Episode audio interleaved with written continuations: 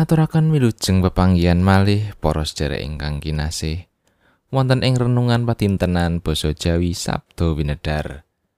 Mugi sih rahmat saking Gusti Allah Rama kita tansah wonten ing kita sedaya. Renungan dinten menika kaparingan jejer sumende dateng Gusti. Wawasan kitab suci kapendet saking Lukas bab sedasa ayat 13 ngantos 16. Monggo kita ndedonga langkung rumiyin. Gusti Allah Rama kawula ing swarga mulya. Kawula saos syukur dumateng paduka awit berkah ingkang tansah paduka paringaken luber ing gesang kawula.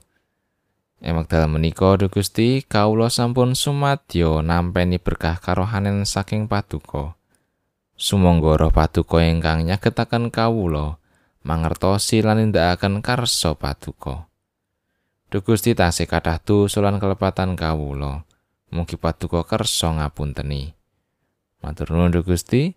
Sedaya atur pasambat lan panyuwunan kawula menika kawula njukaken linambaran asma dalem Gusti kawula Gusti Yesus Kristus. Amin. Lukas bab sedasa ayat 13 ngantos 16. Gusti Yesus meca bab bakal katemahane kutha sawetara. Bilai kowe kutha Khorazim, bilai kowe kutha Betsaida, amarga saupama ing kutha Tirus lan ing kutha Sidon ana mujizat-mujizat kaya kang kalakon ana ing tengah-tengahmu. Mesti wis biyen-biyen anggone mratobat kalawan manganggo bagor lan linggih ing awu.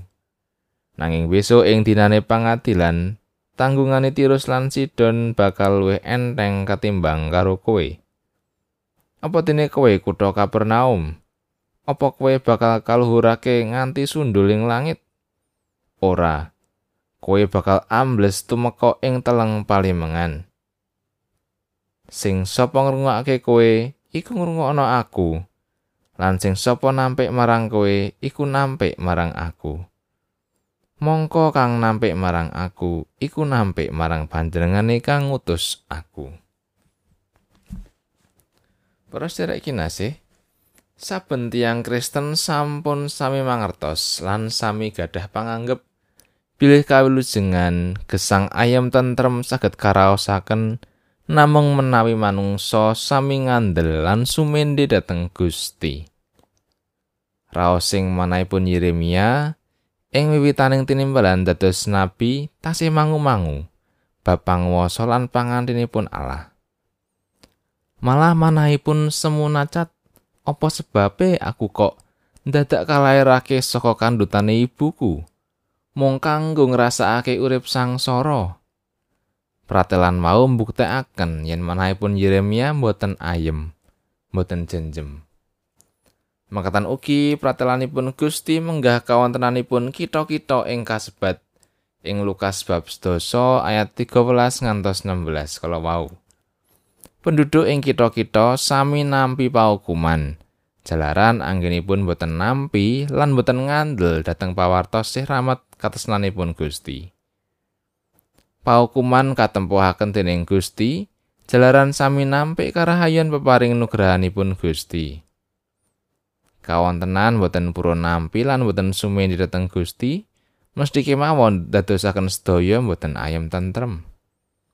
Raos sing manahipun namung was sumelang tanpa gadah pangajeng-ajeng.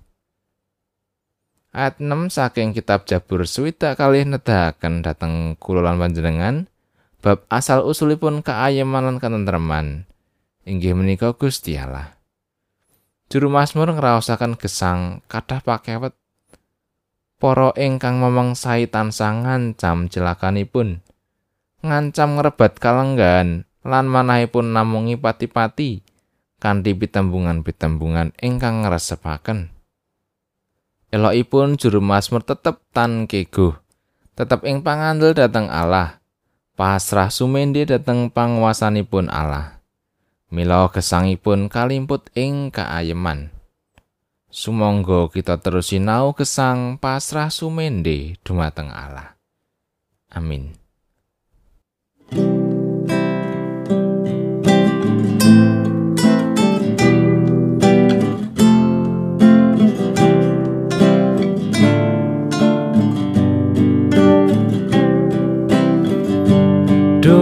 Gustimu kingirit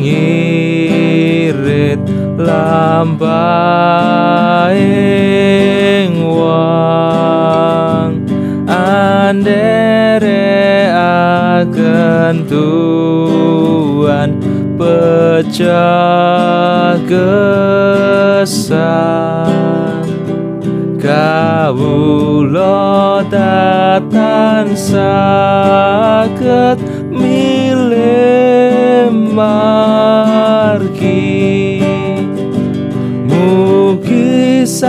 sabor.